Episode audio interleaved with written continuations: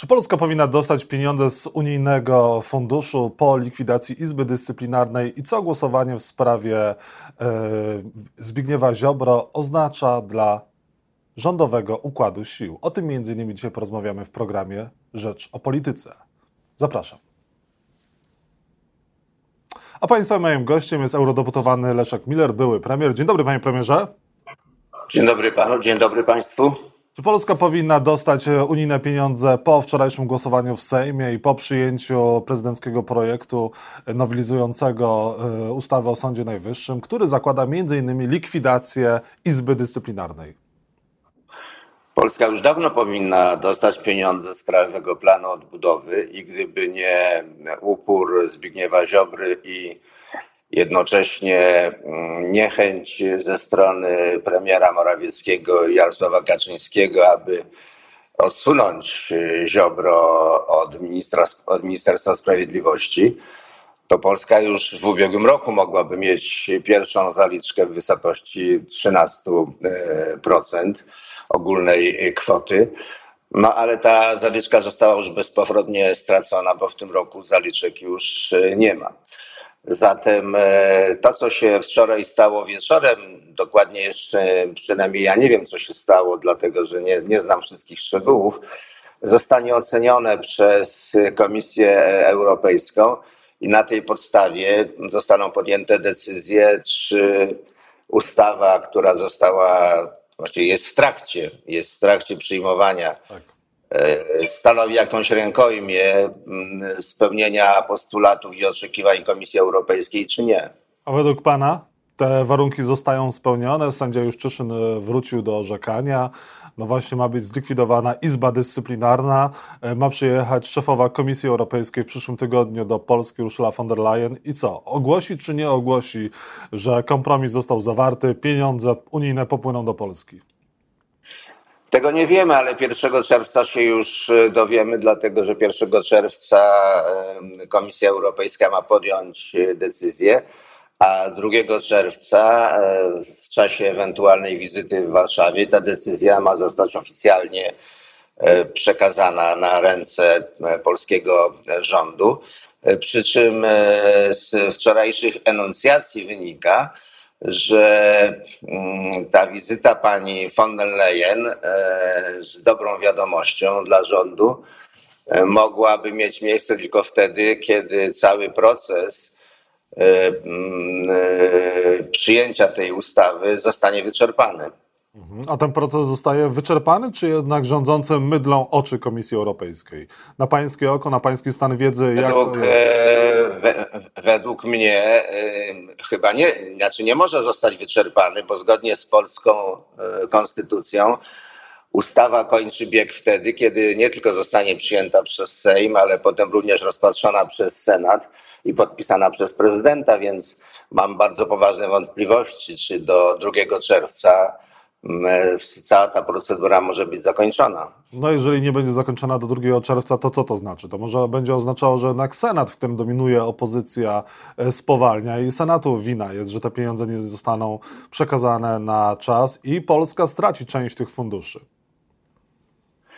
No, e, to, co Polska mogła stracić, to już straciła, dlatego że jeszcze raz powtórzę, gdyby w ubiegłym roku Krajowy Plan Odbudowy został zatwierdzony przez Komisję Europejską, to otrzymalibyśmy e, potężną zaliczkę gdzieś w wysokości 3 e, miliardów e, euro.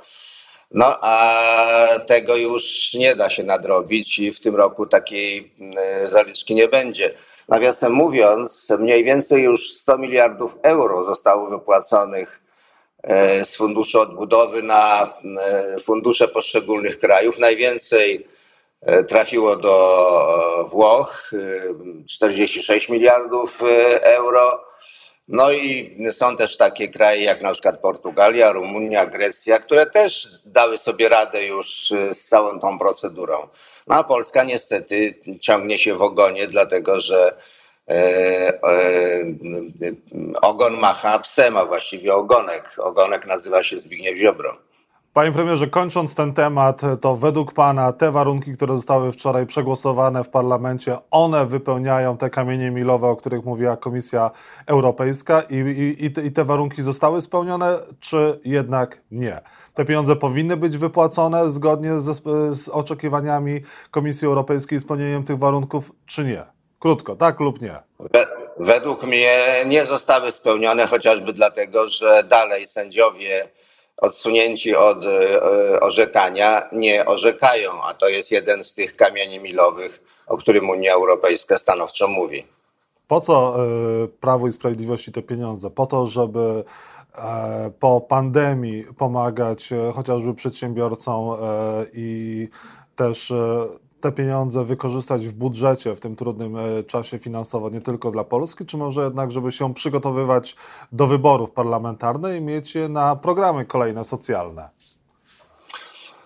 Prawo i Sprawiedliwość e, wszystko robi e, pod kątem maksymalnego użycia w kampanii wyborczej, nawet jeżeli kampanii wyborczej oficjalnie jeszcze nie ma.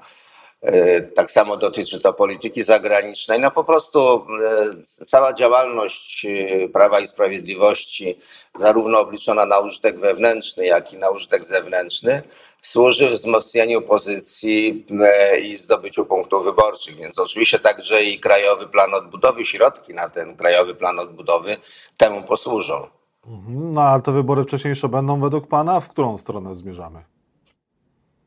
Ja uważam, że nie będzie wyborów e, przyspieszonych, bo po co? E, PiS ma dalej e, większość w Sejmie, czego chociażby wczoraj dowiodło głosowanie nad ustawą, o której mówimy. Rząd nie jest rządem mniejszościowym, no to po co organizować wybory przyspieszone? No właśnie, Zbigniew Ziobro wczoraj został obroniony nie tylko przez e, Prawo i Sprawiedliwość i Solidarną Polskę, ale również e, posłów e, chociażby Kukiz 15. O czym to świadczy, jak wygląda ta koalicja rządząca w tej chwili? Rzeczywiście Zbigniew Ziobro się wczoraj wzmocnił na tyle, że można powiedzieć, że ogon macha psem, czyli Zbigniew Ziobro Jarosławem Kaczyńskim? Oczywiście i to już od dłuższego czasu. Natomiast czemu ten mechanizm, czy czego dowodzi? No dowodzi do tego, że ten mechanizm klientelizmu politycznego, e, kupowania poparcia za rozmaite ustępstwa, obietnice i tak dalej, on działa bardzo e, dobrze. No i wczoraj widzieliśmy, jak e, trzy ugrupowania, czyli PiS, Solidarna Polska i Kukiz 15, uchwalały prezydencką ustawę zwłaszcza jeśli chodzi o Kukiz 15, no to przecież y, no nie ulega wątpliwości, że coś tam Kukizowi obiecano. Mhm. Panie premierze, a Andrzej Duda na ile się wzmocnił, bo to jego e, projekt został przegłosowany w parlamencie, no i on chyba też kolejny raz wychodzi Zachodowi na e, przeciw. Mam tu na myśli wcześniej chociażby e, zablokowanie Lex TVN i, i to, że idzie troszkę inną drogą niż Prawo i Sprawiedliwość. Czy Andrzej Duda no, walczy o miano męża stanu? Miał miejsce dobre. Tak, ale zdaje się, że wczoraj jedna z jego ważnych poprawek, e, z poprawek prezydenta, e, została rzutem na taśmę odrzucona. Więc można powiedzieć, pan Duda w ostatniej chwili został zrobiony w konia przez swoich e, przyjaciół. E, więc no, nie świadczy to jakimś jego umacnianiu. Natomiast Andrzej Duda korzysta na sytuacji międzynarodowej, zwłaszcza na e, działaniach wojennych e, w Ukrainie i mm, odbudował swoją pozycję przynajmniej w kontaktach ze Stanami Zjednoczonymi.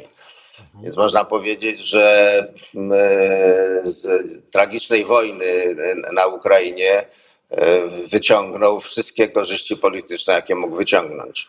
No ale chyba przysłużył się e, Ukrainie, czy też przysłuża się polskiej racji stanu, czy nie? Nie, no oczywiście, że tak. No ale zawsze jest e, tak, tak że e, zdobywa się punkty polityczne, działając również pozytywnie na rzecz rozwoju sytuacji. To nie jest w sprzeczności, te dwie kwestie nie są w sprzeczności. Panie premierze, a na ile e, Polska uniezależnia się i uniezależni, podobnie jak Zachód, Unia Europejska, od e, środków energetycznych z Rosji? Czy to jest w ogóle możliwe? To jest możliwe, choć e, pytanie, które dzisiaj jeszcze nie jest rozstrzygnięte, to jest pytanie, jak dalece można się uniezależnić, bo e, jeśli na przykład dowiadujemy się, że e, praktycznie rzecz biorąc możemy już nie korzystać z rosyjskiego gazu i że część gazu możemy E, odbierać e, z Niemiec, no to miejmy świadomość, że ten niemiecki gaz jest rosyjski. Mhm. Więc e, te, te, te rzeczy, te, te europejskie systemy gazowe są tak ze sobą skorelowane, tak, że tak powiem, splecione, że nigdy nie wiadomo, jaki ten gaz tak na, na, naprawdę płynie, skąd on jest. Czyli chce pan powiedzieć, że na dobrą sprawę to tak naprawdę nie możemy się uniezależnić od rosyjskich surowców energetycznych? Nie, no możemy, dlatego że jeżeli kończy się, e, kończy się e, kontrakt e, z, z Rosjanami i nie jest podpisany następny, to znaczy, że my nie jesteśmy już odbiorcą gazu e, rosyjskiego. Natomiast jeżeli bierzemy brakującą część, niewielką zresztą, ale bierzemy z Niemiec i dowiadujemy się, że to jest też rosyjski gaz, no to jak powiedzieć, czy to jest gaz niemiecki czy rosyjski? Mhm. Panie premierze, pan z perspektywy czasu nie żałuje tego, że zablokował Baltic Pipe? Ja nic nie blokowałem, a zwłaszcza Baltic Pipe. No, eksperci mówią jednak inaczej, że jako premier nie dopuścił pan do tego, żeby Baltic Pipe e, powstało. Baltic Pipe narodził się w 2014 roku, a więc o wiele później niż ja byłem premierem. A jeżeli mówimy o kontrakcie norweskim, to właściwie tak powinniśmy mówić, E, to on nie był e, umową międzyrządową, więc ja nawet gdybym chciał coś zerwać czy blokować, to nie mógłbym, bo to nie, była, nie było porozumienie międzyrządowe, tylko między konsorcjum firm polskich i norweskich. E, ten kontrakt został podpisany tuż przed wyborami w Polsce i w Norwegii. Od początku miał propagandowy charakter żeby on był uruchomiony, to e, musiało przepłynąć 7 miliardów metrów sześciennych e, gazu z Norwegii do Polski. Nie było na to odbiorców e, i po dwóch latach Norwegowie tu przyjechali i powiedzieli: Sorry panowie, musimy niestety odstąpić od tego kontraktu, bo my nie jesteśmy w stanie znaleźć odbiorców. Panie premierze, a dzisiaj rzeczywiście premier Morawiecki ma rację, mówiąc e, do Norwegów: Sorry panowie, ale powinniście się dzielić e, tym, e, tymi surowcami energetycznymi zarabiacie na wojnie, zarabiacie dużo i teraz powinniście się w jakimś stopniu podzielić. Pan by zadzwonił? Premier mówi o ponadnormatywnych zyskach, tak. no ale nim powie to Norwegom, to niech powie to Orlenowi, który też zarabia pieniądze w postaci ponadnormatywnych zysków. Niech mm, Orlen obniży ceny na paliwa, to na pewno E, spotka się z entuzjazmem e, polskiego społeczeństwa. Słusznie te 400 ponad stacji Lotosu będzie sprzedane węgierskiemu molowi. Co to oznacza dla Polski? Z molem jest zawsze ryzyko, dlatego że tam poważne wpływy e, mają Rosjanie, kompanie naftowe rosyjskie. I mm, no, być może jest to bardzo bardzo frywolny, frywolna decyzja, w każdym razie decyzja, która może mieć kolosalne e, skutki. Zwłaszcza w tej sytuacji wojny na Ukrainie, e, takiej ogólnej niepewności, które, która ma miejsce i w Europie, i na świecie, to to są działania zdecydowanie nieracjonalne. Szkodliwe dla Polski?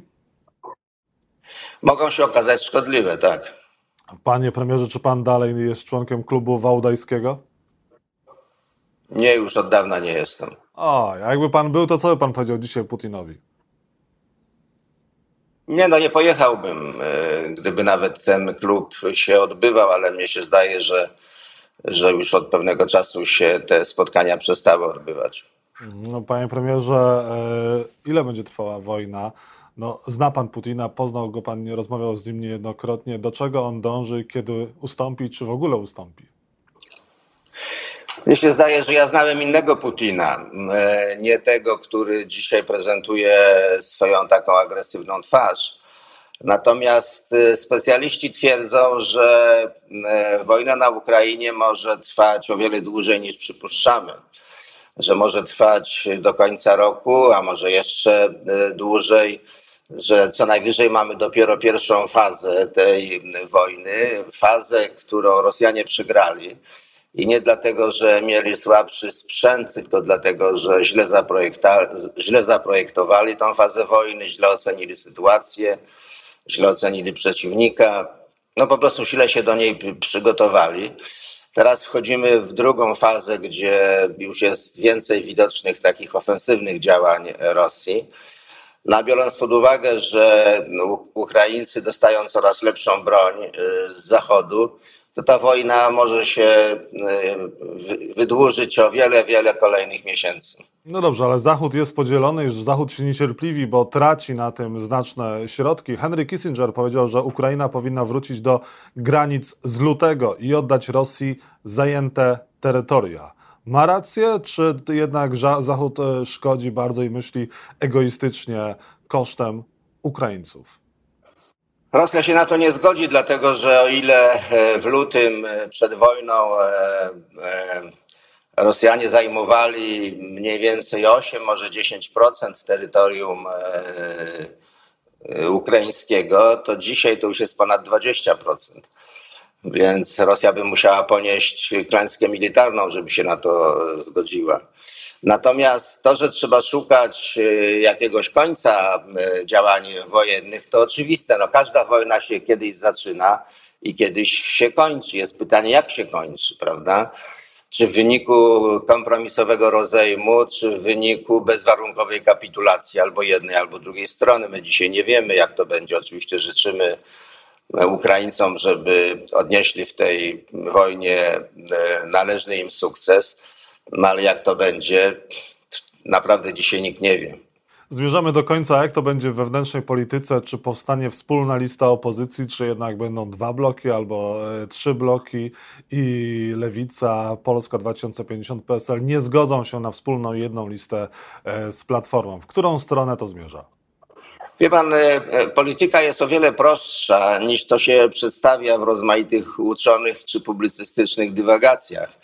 Otóż e, na pytanie, e, kto powinien być premierem, e, złą odpowiedzią jest zrobimy kontekst, zrobimy konkurs na premiera, tylko odpowiedź na to pytanie jest taka. Premierem powinien być ten, kto stoi na czele zwycięskiej formacji. Na pytanie, czy jedna lista jest lepsza niż wiele list, odpowiedź jest oczywiście, że jedna lista jest lepsza niż wiele list. Ja bym powiedział więcej. W obecnej sytuacji jeżeli opozycja nie wystawi jednej listy, e, to stwarza warunki do e, trzeciej kadencji Prawa i Sprawiedliwości. A czy wspólnym kandydatem na premiera opozycji powinien być Donald Tusk według pana? Dopóki Donald Tusk jest przewodniczącym Platformy Obywatelskiej, a Platforma Obywatelska e, ma największe szanse na e, pierwsze miejsce wśród ugrupowań opozycyjnych, a może nawet na wygraną tych wyborów, to oczywiście kandydatem na premiera jest Donald Tusk. Leszek Miller, były premier był Państwa moim gościem. Bardzo dziękuję Panie Premierze za rozmowę. Dziękuję Panu bardzo. Do widzenia. Do widzenia.